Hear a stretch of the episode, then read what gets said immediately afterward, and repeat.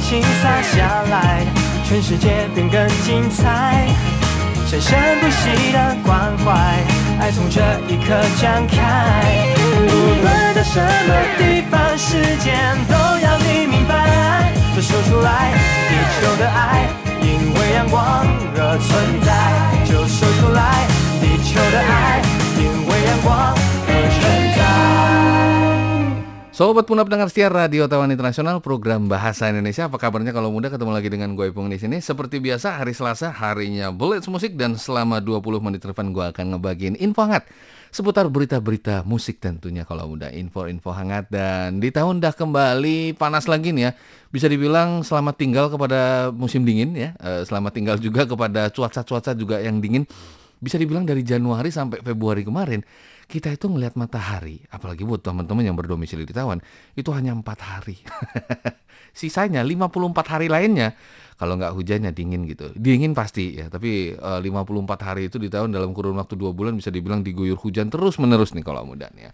Dan semoga teman-teman dalam kondisi sehat ya. Semoga terus dalam kondisi yang paling fit ya. Karena nggak ada yang lebih penting lagi dari kesehatan ya. Dan buat teman-teman yang udah booster vaksin juga ya, eh, selamat ya. Seperti gua. Karena gua udah di booster, eh, udah menerima booster vaksin ya di Taiwan. Eh, booster vaksin gua yang tiga itu adalah Moderna, luar biasa. Berasa kayak ditabrak sepur ya. Tapi ya demi kesehatan gitu ya. Kita semua bisa. Ayo kita bisa kawan. Kita bisa. Yuk. Dan langsung aja di pekan ini gua akan ngebahas sesuatu yang cukup unik ya buat teman-teman eh, yang selalu mantau RTS, eh, RTSI juga terus harus dipantau ya. Eh, siapa tuh juga ada request dan ataupun mungkin mau ngebahas tentang lainnya akan gue juga bahas di sini. Langsung aja Blitz Musik di tanggal eh, 1 Maret nih ya, pas di tanggal hari ini ya. Hari pertama di bulan Maret nih ya. Yuk, langsung aja persatuan eh, perseteruan antar genre dalam sejarah musik country nih ya. Semoga yang gua bagikan di pekan ini eh, bermanfaat. Eh, langsung aja kita pantau. Sering banget kita dengar kalimat seperti ini ya. Kok lagu zaman sekarang begini amat ya? Nggak bisa dinikmati seperti zamanku dulu. Banyak banget statement seperti ini, banyak banget pernyataan-pernyataan seperti ini. Tiap kali setiap generasi pasti akan melontarkan hal yang serupa. Berasa nggak berasa, ya, biasanya kita juga setiap generasi kita pasti ada satu dua orang yang merasa lagunya, lagu di zaman generasi tersebut itu akan jauh lebih enak dibandingkan dengan generasi lainnya nih ya. Bisa dibilang lagu itu adalah sesuatu hasil karya yang membekas di dalam alam bawah sadar kita nih ya. Eh, Sesuatu yang dapat membawa nostalgia secara langsung ataupun nggak langsung. Orang lah akan lebih mudah mengingat sebuah lagu dengan kejadian yang terjadi pada dirinya ketika mendengarkan sebuah lagu. Jadi ada relevansinya. Dan biasanya relevansi itu kuat sekali nih, apalagi ditambah dengan memori yang tidak terlupakan ya. Jadi kebetulan mungkin lagu ini akan mengingatkan kepada hal apa ataupun siapa gitu ya. Dan semua ini tergantung dari perspektif pribadi kita sendiri ya. Era bahkan kapan kita dilahirkan itu jadi krusial banget ya. Jadi ketiga item ini ini penting banget dalam pembentukan karakter kita sendiri. Ambil contoh. Orang yang tumbuh tu- orang yang tumbuh besar pada era lagunya zaman The Beatles nya ini mayoritas nggak akan begitu suka dengan lagu-lagu eh, yang populer di tahun 2000 misalnya Lil Nas ya. Lil Nas Black Eyed Peas, Nine Inch Nails dan lain sebagainya nih ya. Kira-kira seperti itu. Begitu halnya juga ketika seseorang yang tumbuh dan besar mendengarkan lagu klasik ya. Seperti misalnya Bach, Beethoven, Chopin gitu ya. Mayoritas nggak akan bisa begitu menerima dengan lapang dada lagu-lagu Katy Perry. Kira-kira seperti itu nih kalau mudah ya. Dan begitu dan sebaliknya. Hal ini adalah hal yang sangat wajar ya, mengingat lagu ini adalah sesuatu yang sangat personal sekali. Makanya gue sering ngomong orang yang kayak apa itu biasanya akan mendengarkan lagu yang kayak apa ya. Di sini konten eh, konteksnya nggak ada yang negatif, nggak ada yang positif. Kembali lagi ke masalah selera. Ketika ngomongin selera nggak ada yang salah, nggak ada yang benar ya. Itu hanya masalah kesukaan ataupun favorit dari masing-masing orang ya. Orang yang seperti apa akan mendengarkan lagu yang seperti apa juga ya. Jadi antara satu individu dengan lainnya ini akan sangat berbeda definisi enaknya itu ya. Jadi lagu ini enak ya. Setiap orang yang ngomong enak pasti punya definisi yang sangat berbeda satu dengan yang lainnya. Dan ini bisa dibilang adalah jawaban eh, bukan jawaban pasti karena kembali ke selera tadi. Jadi nggak ada objek perbandingan yang bisa dikomparasi satu dengan yang lainnya nih ya. Lanjut lagi. Apakah seseorang yang baru berusia 21 tahun di tahun 2022 ini akan bisa menerima lagu-lagu yang hits di zaman 80 atau 70-an bahkan lebih tua lagi di tahun 60-an misalnya nih ya. Ini nggak ada yang jawaban nggak ada jawaban pasti ya tergantung dari kesukaan masing-masing. Cuman konteksnya di sini adalah ketika lu mendengarkan begitu banyak lagu dalam generasi yang berbeda, biasanya kosakata akan sebuah lagu ya, kosakata akan sebuah pengetahuan eh, terkait genre ini akan semakin banyak tentunya ya. Yuk, kali ini gue pengen sharing sedikit tentang musik country ya. Musik country, musik yang berasal dari Amerika Serikat dan terkenal hampir ke seluruh dunia uh, di era 60-an ya. Lanjut lagi. Musik country ini adalah sebuah genre yang menceritakan tentang perjalanan hidup seorang manusia ya. Biasanya mereka akan menceritakan uh, apa ya garis hidup ataupun mungkin kerasa kehidupan bagi para ker, uh, pekerja kerah biru yang biasanya di Amerika Serikat dan sering kali mengisi lirik lagu dengan curhatannya.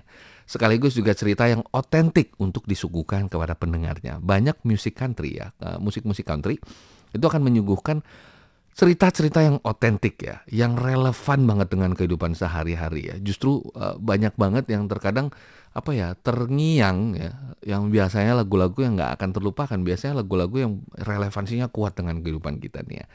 Dan ini juga akan apa ya lebih condong untuk menggambarkan suasana alam yang begitu asri, jauh dari keramaian kota, kehidupan yang tradisional, natural serta nggak ada yang namanya uh, hiruk pikuk kehidupan di kota metropolitan ya.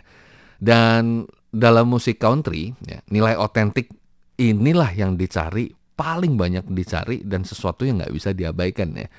Karena cerita-cerita ataupun nilai-nilai otentik dari sebuah uh, genre musik country itu yang dicari paling banyak orang ya.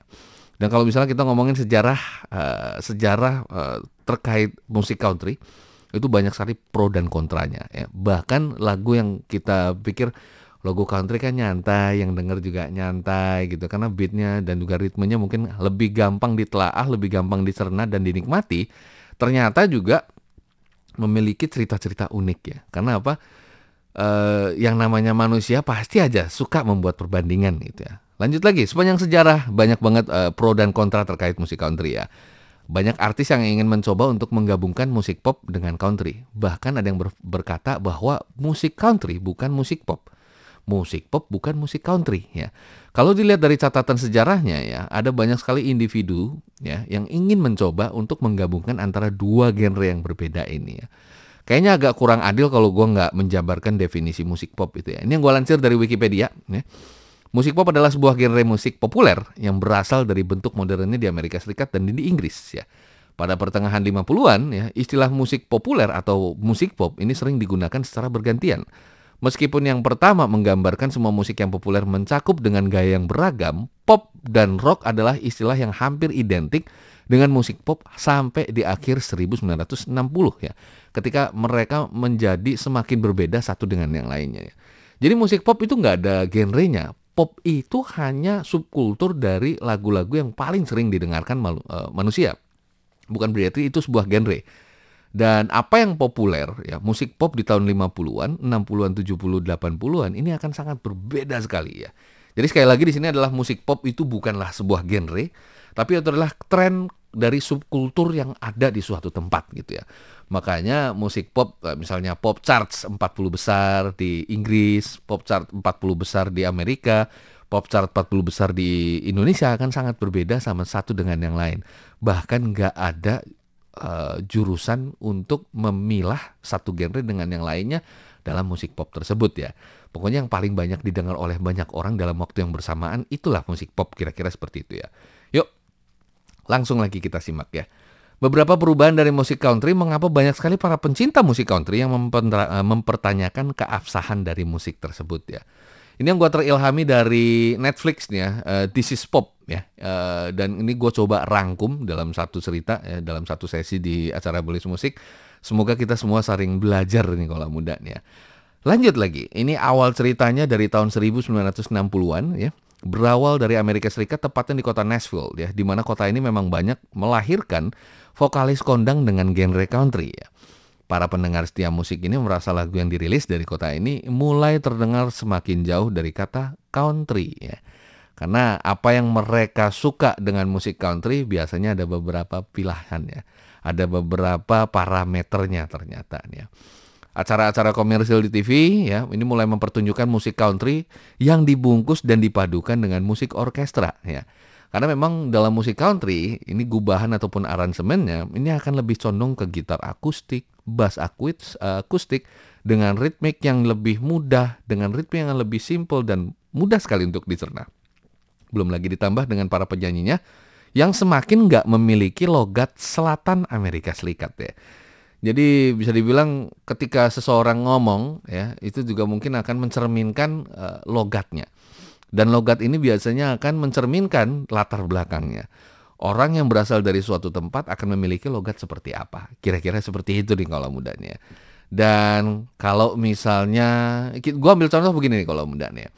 Kalau misalnya lagu campur sari yang nyanyi misalnya eh, kebetulan orang Batak misalnya gitu ya. Kan mungkin akan juga dipertanyakan, kak mungkin kali ya dalam konteks ini banyak orang yang akan mempertanyakan ini nggak ada Jawa-Jawanya sama sekali nih kalau muda. Kira-kira hal seperti inilah yang dipertanyakan oleh banyak fans e, dari musik country di kota Nashville. Ya, lanjut lagi.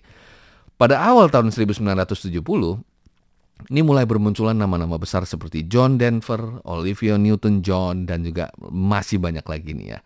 Hingga akhirnya pada tahun 1975, CMA alias Country Music Association ini memberikan penghargaan tertinggi kepada John Denver sebagai Entertainer of the Year. Sontak MC dari acara ini kaget dan merasa terhina banget ya. Charlie Rich ya, ini adalah MC dari acara eh, CMA ya di tahun 75 yang merasa kaget dan terhina ya. Eh, dia merasa kaget karena kok bisa John Denver mendapatkan penghargaan Entertainer of the Year di tahun 75 karena dia merasa John Denver bukanlah seorang artis country uh, sontak MC-nya tersebut ya uh, Charlie Rich meluapkan rasa ketidakpuasannya dengan membakar ya kartu nama pemenang dalam nominasi Entertainer of the Year di atas panggung sembari mengucapkan pernyataan yang cukup sarkas ya. Dia ngomongnya begini, my friend, Mr. John Denver, diambillah kartu nominasi dibakar di atas panggung kalau muda. Kira-kira seperti itu. Dan Kejadian ini hanya salah satu pemicu yang sebenarnya udah lama terjadi sepanjang dekade 70-an ya.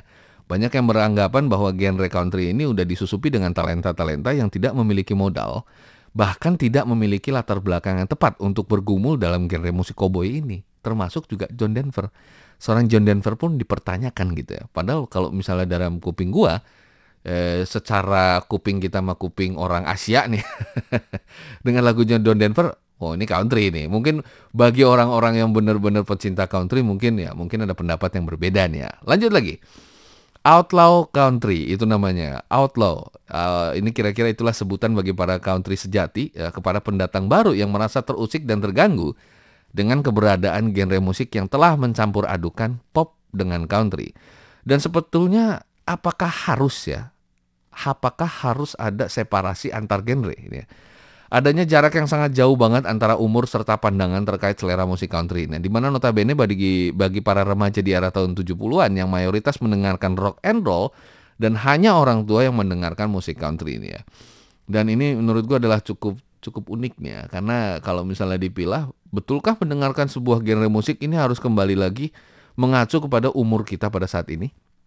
Ini kan menjadi menjadi suatu hal yang cukup unik ya. Jadi istilahnya anak-anak bocah sekarang milenium ya yang umur 21 di tahun 2022 ini nggak boleh ngedengerin Chopin gitu ya.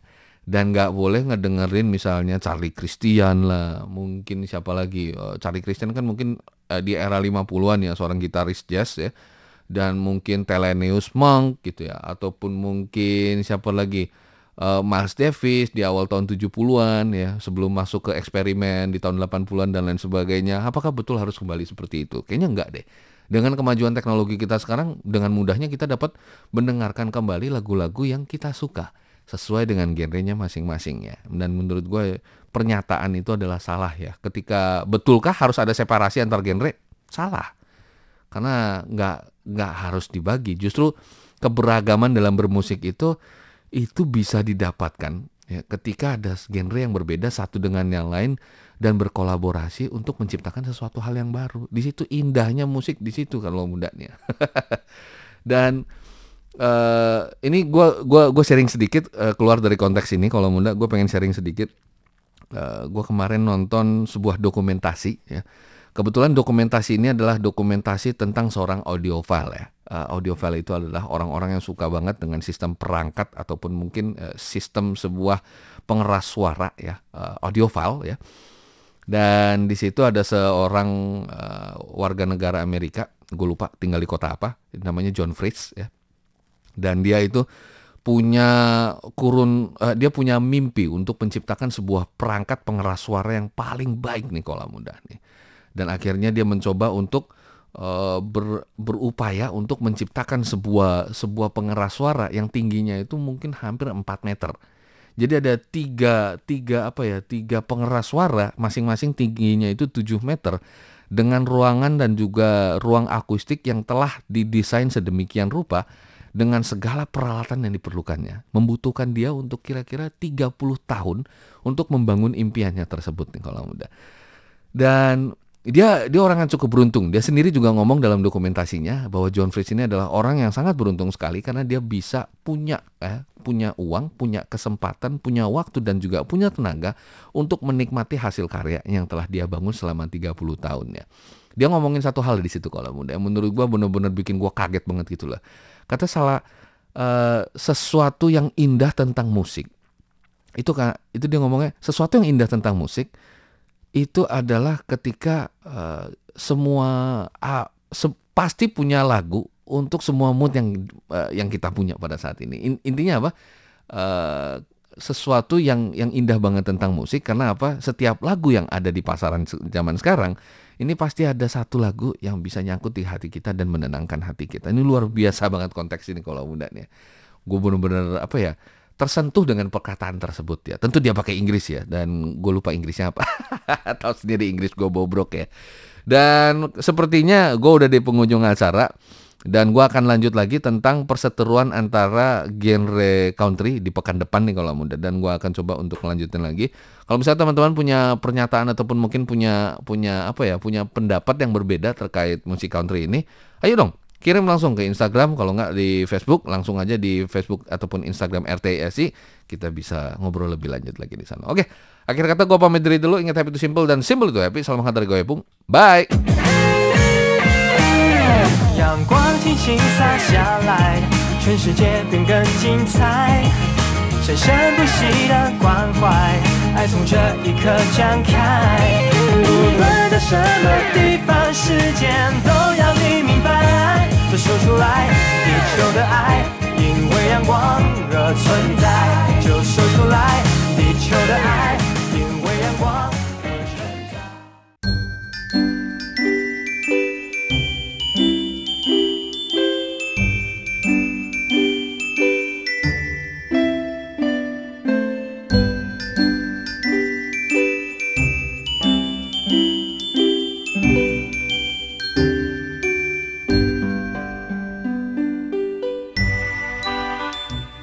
Para pendengar sekalian, demikianlah siaran dari Radio Tama Internasional program Bahasa Indonesia.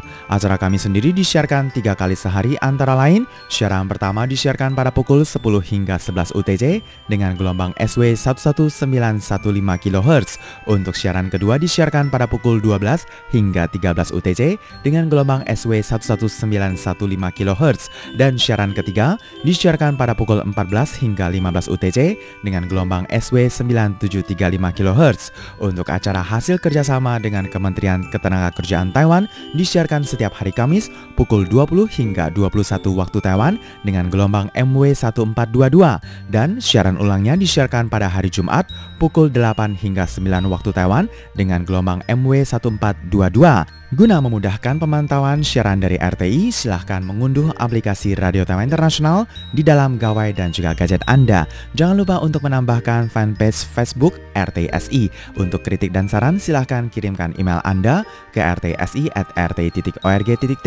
Dan untuk surat tertulis, silahkan layangkan ke PO Box 123 strip 199 Taipei City, kode pos 11199 Taiwan. Para pendengar sekalian, jangan lupa untuk selalu mendukung dan mendengarkan siaran dari Radio Taman Internasional program Bahasa Indonesia. Terima kasih.